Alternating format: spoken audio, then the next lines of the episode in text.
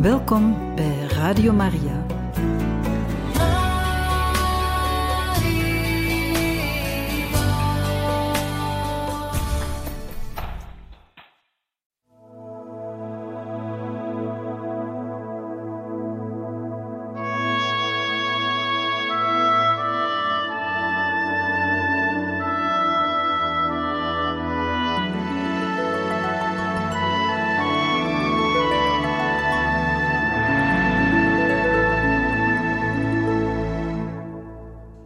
Beste luisteraars, goede vrienden, welkom in het programma Heiligen Getuigen.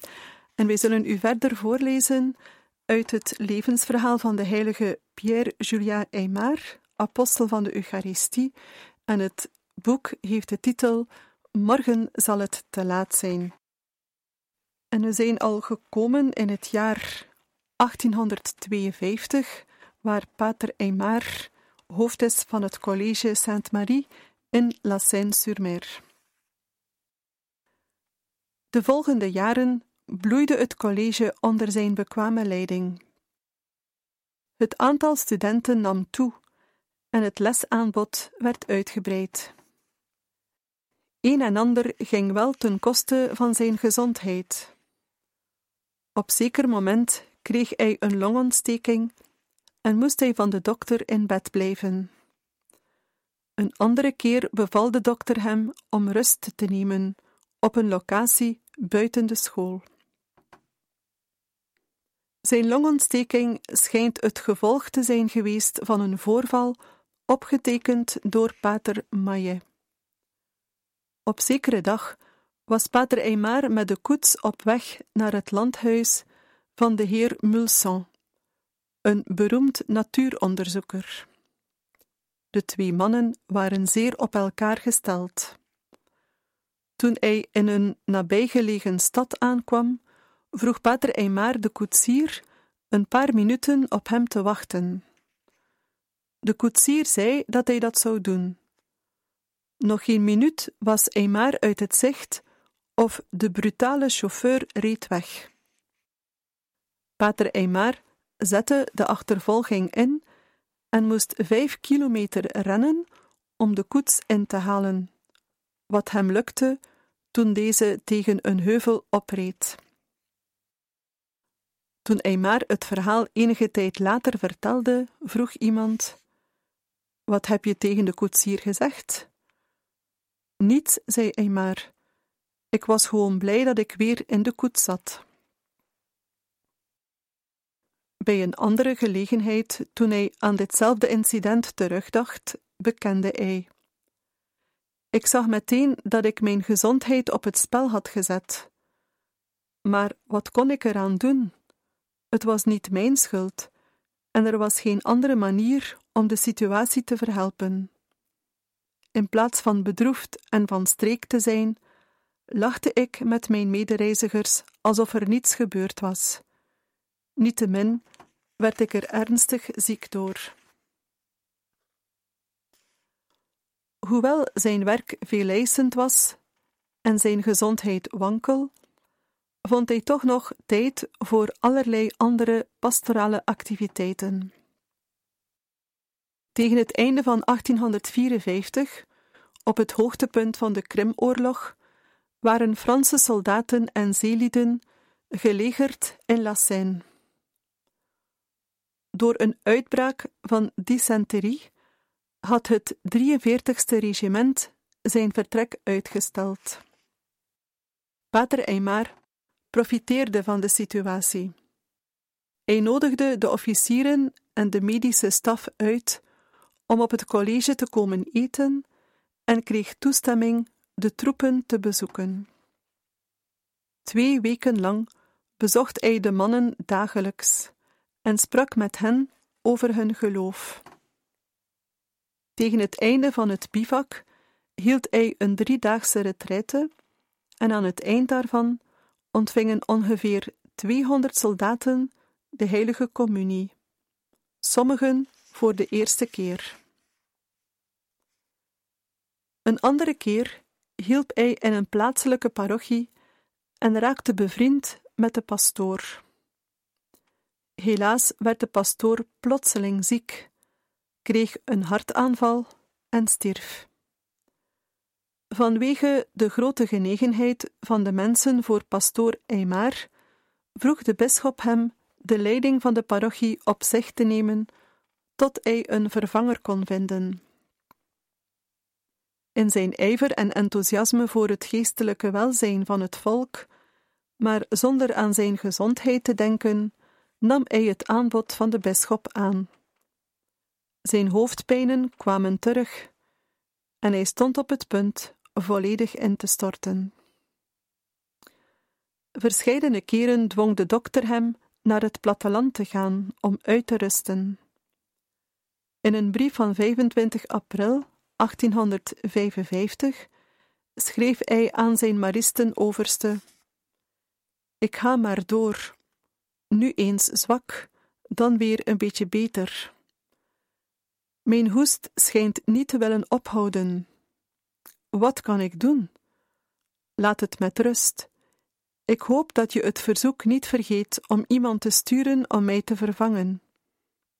Het einde van het schooljaar is nabij en ik ben aan het eind van mijn krachten, maar tevreden dat het spoedig voorbij zal zijn voor mij. Ik vertrouw erop dat u mijn verzoek niet opvat als een teken van ontmoediging. Nee, mijn medebroeders zijn hier van dien aard dat het niet eerlijk zou zijn als ik zou klagen. Ze zijn allemaal zo vriendelijk en toegewijd. Gedurende de tijd dat Pater Eymar op het college was, en al enige tijd daarvoor, werd een eucharistische draad subtiel verwerkt in het weefsel van zijn spiritualiteit. Nu en dan gaf God hem een glimp van de bestemming.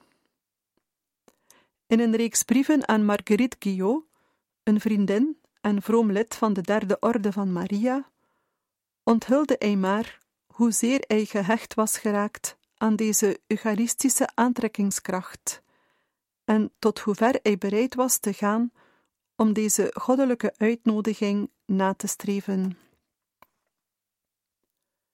Laat mij u zeggen dat ik niet zou willen sterven zonder een groots en wonderbaarlijk idee verwezenlijk te hebben. Een idee over de aanbidding van Jezus in het Heilige Sacrament, dat God in mijn hart heeft gewekt. In een volgende brief ging hij dieper in op hoe dit idee zich ontwikkelde van een louter persoonlijke toewijding naar het stichten van een orde van het Heilige Sacrament. Hij beschreef verder hoe dit grootse idee hem op een morgen tijdens zijn dankgebed na de mis had overvallen. Ik werd plotseling gegrepen door een sterk gevoel van dankbaarheid en liefde voor Jezus. En ik zei tegen hem: Is er niet iets groots dat ik voor u kan doen? Een zachte, vredige gedachte, maar toch krachtig en duidelijk, maakte mij blij dat ik mij kon wijden aan de dienst van het Heilige Sacrament. Deze spirituele inzichten zouden in de loop van de volgende twaalf tot achttien maanden sterker en duidelijker worden. De aantrekkingskracht van de Eucharistie werd groter. Lange tijd dacht hij dat het allemaal wel te integreren was in zijn roeping als marist. Uiteindelijk zou de genade hem ertoe brengen, na veel lijden, zijn maristenroeping op te geven. Hij worstelde met deze nieuwe roeping van God en kende veel onzekerheid en veel angst.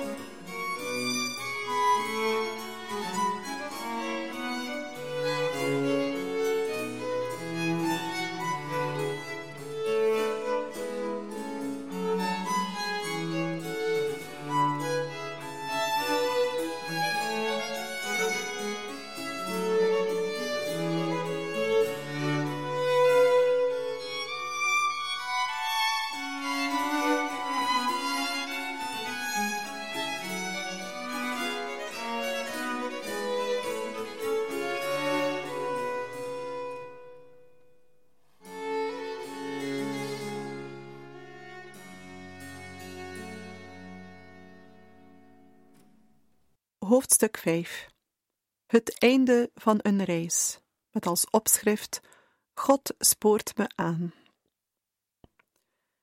Je bent in de eerste plaats een marist. Zeventien jaar lang, vanaf het moment dat hij toetrad tot de maristen, genoot Pater Eymar de reputatie een verantwoordelijk en zelfopofferend lid van die orde te zijn. De maristen vertrouwden hem vele belangrijke functies toe. Hij was novicenmeester, provinciaal overste, algemeen visitator, overste van het college van La Seine en directeur van de derde orde van Maria. Terwijl hij zich geheel en al aan zijn maristenroeping wijde, klopte God op de deur van zijn hart met een eucharistische roeping. De oorsprong hiervan is terug te voeren op twee krachtige religieuze ervaringen. De eerste vond plaats op 25 mei 1845, toen hij het Heilige Sacrament in processie droeg in de kerk van Saint-Paul in Lyon. Tijdens die processie op Sacramentsdag voelde hij een sterke aandrang zijn aandacht te richten op de persoon van Christus en hij besloot zijn prediking te concentreren op Christus in de Eucharistie. De tweede ervaring had plaats op 21 januari 1851 in het heiligdom van Notre-Dame de Fourvière, waar hij sterk gemotiveerd werd een groep mannen op te richten, gewijd aan de aanbidding van Christus in de Eucharistie, als antwoord op bepaalde pastorale behoeften van de kerk. Ondanks het feit dat deze bijzondere genaden hem diep hadden getekend, bleef hij maar toch terughoudend ten aanzien van plannen om zijn Eucharistische inspiratie concreet vorm te geven, waardoor hij de verantwoordelijkheid op zich zou moeten nemen. Tot op zekere hoogte was Pater Eymar door de stichter van de Maristen aangemoedigd in zijn Eucharistisch pastoraat, vooral gedurende de laatste jaren in La Seine en in Toulon, waar de nachtelijke aanbidding al functioneerde en waar hij elke vrijdagavond preekte tijdens Eucharistische devoties in de kathedraal voor een steeds groter wordende groep mannen en vrouwen van de Vereniging voor Aanbidding. Intussen werkte Pater Eymar in de periode dat hij overste was van de communiteit van het college in La Seine, van 1851 tot 1855, samen met de QR's in de hoop de orde van het Heilige Sacrament op te richten. De QR's hadden het initiatief genomen daadwerkelijk mensen te werven om een orde van priesters te vormen, gewijd aan de eeuwige aanbidding van de Eucharistie. Eymar moest het eerste ontwerp schrijven van een mogelijke reeks regels om de groep te leiden. Daarnaast moedigde hij zelfs bepaalde studenten van het Maristencollege aan een Eucharistische roeping te overwegen. Toen bekend werd dat de Maristenoverste van het college, Eymar dus, Maristenkandidaten voor een andere roeping had geworven, waren Eymars collega's geschokt en trachten zijn meerderen in Lyon hem disciplinair te straffen. In juni 1855 kondigde zijn overste, pater Favre, hij kondigde aan dat hij hem zou bezoeken op het college van La Seine, maar dat hij hem er intussen op moest wijzen dat de Sociëteit van Maria een Eucharistisch project niet kon aanmoedigen. Bovendien gaf Favre hem opdracht zijn betrokkenheid bij dit project te beëindigen. U bent in de eerste plaats Marist. En de Sociëteit van Maria is de schors van uw heil. U moet zich zo voorzichtig gedragen dat u niets te verwijten valt over dit Eucharistische project. Een project waarmee u zich als toegewijd Marist toch al niet zou moeten bezighouden. Met deze opmerkingen wilde Pater Favre de deelname van Pater Eymar aan het project aan banden leggen. Eymar was ontzet. Hij probeerde zijn zaak te bepleiten, maar zonder succes. Het zou hem niet worden toegestaan een Eucharistisch project op te zetten, zolang hij bij de Maristen was. Ontmoedigd door dit nieuws, ging hij maar in gebed, om kracht en troost te ontvangen. Hij realiseerde zich voor het eerst dat er veel op het spel stond als hij de inspiratie, waarvan hij nu sterk overtuigd was dat die van God kwam, wilde doorzetten. Hij was er niet zeker van hoe hij zijn weg in dit dilemma zou vinden. Tegenover de tegenstand van zijn superieuren en tegenover de beroering die het in hem teweegbracht, leek hij opmerkelijk genoeg meer vastbesloten dan ooit. Trouw te blijven aan deze Eucharistische gedachte, die steeds vastere vormen in zijn ziel begon aan te nemen. Hij deelde zijn gevoelens met zijn vriend Pater Maillet. God spoort mij aan. De gedachte aan het werk van het Heilige Sacrament oefent een grote aantrekkingskracht op mij uit. Het maakt me beter. Het is zacht, sterk, kalm en bevredigend. Ik zie wat het mij zal kosten. Niemand begint een nieuw werk zonder gekruisigd te worden. Ik geef een zekere situatie op en zal worden blootgesteld aan armoede, minachting en problemen. Als de zaak niet slaagt, zullen de mensen mij belachelijk maken. Maar ik zoek alleen de wil van God. Afgewezen door zijn superieuren, maar aangemoedigd door zijn grote ontvankelijkheid voor wat hij zag als de wil van God, wilde hij een beroep doen op Rome. Toevallig kwam zijn oude vriend en geestelijk adviseur, Pater Touche, langs in La Seine, op weg naar Marseille om aan boord te gaan van een schip naar Rome. Pater Eymar vertelde wat hem ten diepste bezig hield. Daarop volgde het advies van Pater Touche. Uw project is het werk van God, maar het moet aan het hoofd van de kerk ter toetsing worden voorgelegd. Bijgevolg stemde Touche ermee in om persoonlijk aan de paus een petitie aan te bieden die hij maar had voorbereid. Touche vertrok op 12 augustus vanuit de haven van Marseille naar de eeuwige stad.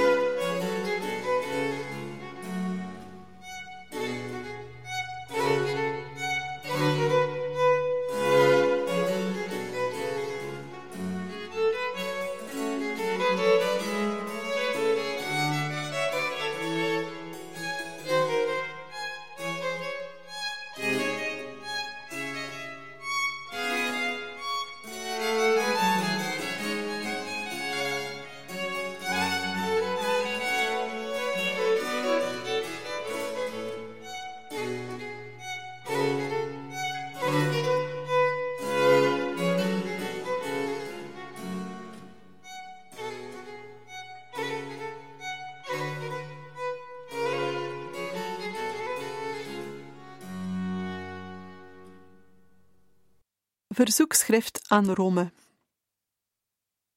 Vervolgens verliet Pater Eymar, op aandringen van zijn arts, Lassin, voor wat broodnodige rust. Vanuit de termen van Montdoré schreef hij: Dit is een koude plaats. Ik heb niemand ontmoet die ik ken. Ik ben helemaal alleen, zoals ik graag wil.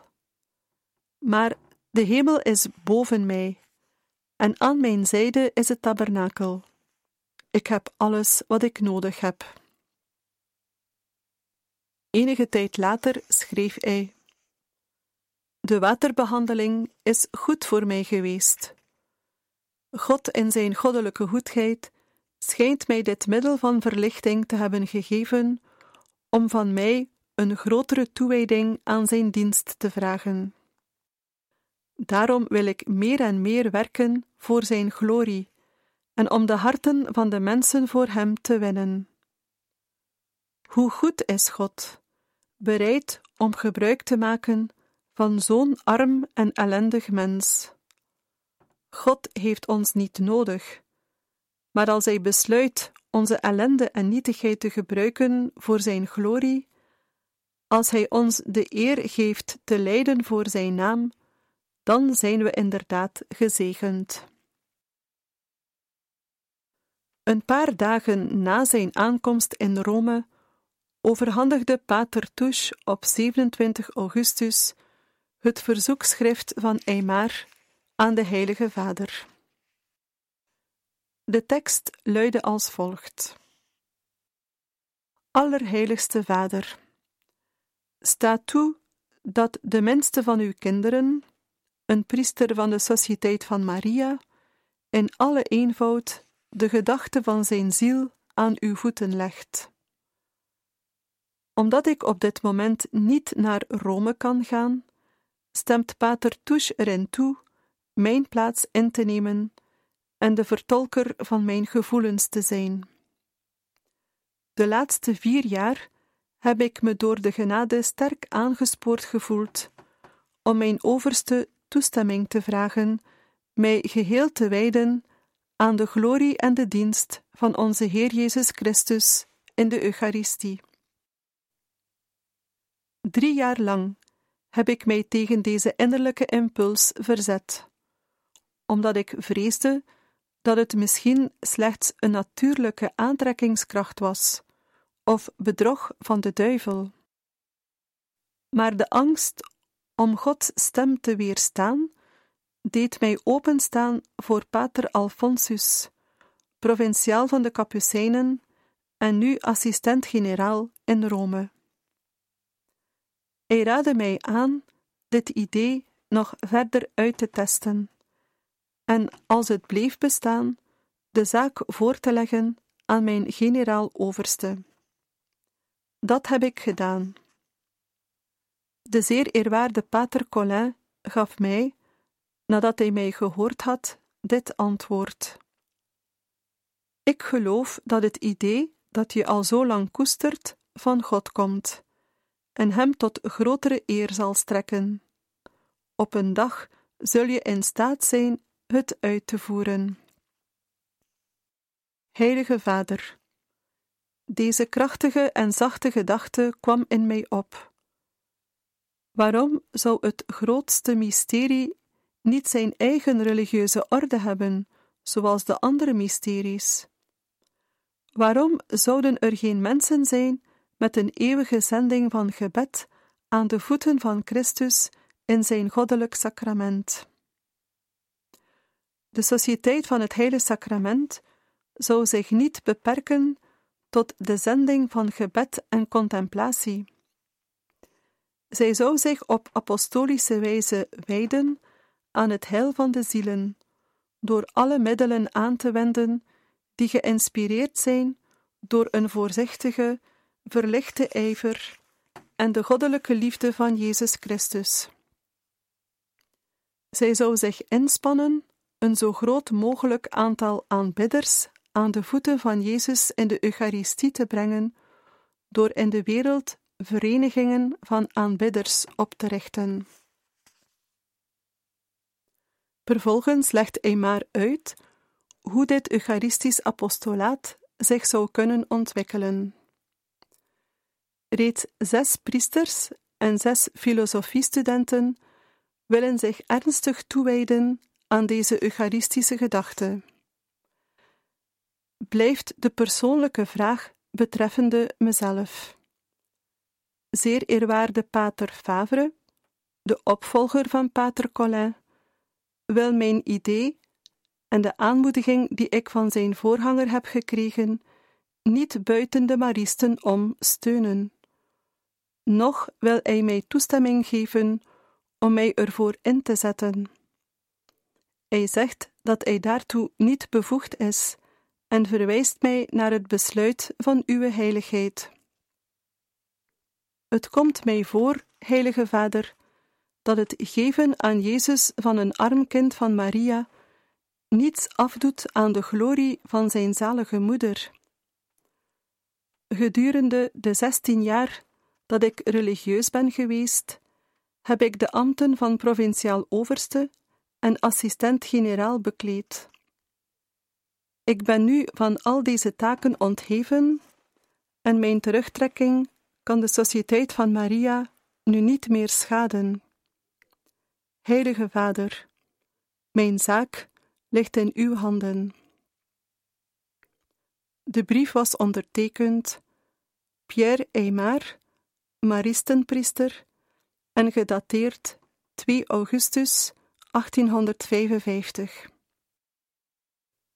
De paus zegende en moedigde het project aan, maar merkte op dat de nodige toestemmingen van de generale overste en de plaatselijke bisschop nodig waren om verder te kunnen gaan.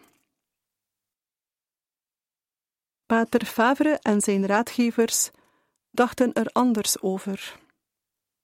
Zij verwierpen opnieuw zijn plan voor een Eucharistisch project. Favre was ervan overtuigd dat het onverenigbaar was met de doelstellingen van de Maristen. Hij vreesde de schade die deze onderneming zou kunnen toebrengen aan de jonge congregatie van de Maristen.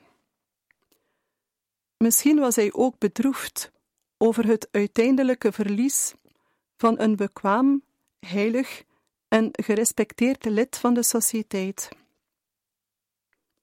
Pater Eymar had nooit een opdracht geweigerd en was vaak gevraagd verantwoordelijke en soms zeer veel eisende taken bij de Maristen op zich te nemen. Nu was de boodschap echter anders, maar niet minder veel eisend. Laat het idee los of verlaat de Maristen. Eind september werd Pater Eymar ontheven van zijn functie als overste van het college van La Seine en werd hij voor een rustperiode naar Chantry gestuurd, waar nu het noviciaat van de Maristen was gevestigd. Hij schreef aan Pater Touche: Hier ben ik. Ik waag niet te zeggen op Golgotha, want dat ben ik niet waardig, maar in een toestand van beproeving, in een positie van volledige afhankelijkheid van God alleen. Bid alstublieft voor mij. Gehoorzaam liet Pater Eymar elk rechtstreeks contact met betrekking tot het Eucharistisch project vallen. Maar hij bleef er vast van overtuigd dat zijn inspiratie een uitnodiging van de Heer was. De vraag was hoe hij kon verder gaan zonder de goedkeuring van zijn superieuren. Het jaar 1855 liep ten einde, terwijl hij worstelde met deze benarde situatie. Beste luisteraars, wij beëindigen hier voor vandaag het voorlezen uit het boek Morgen zal het te laat zijn. Het leven van de heilige Pierre-Julien Aymar, apostel van de Eucharistie. Wij danken u hartelijk voor het luisteren en graag tot volgende keer.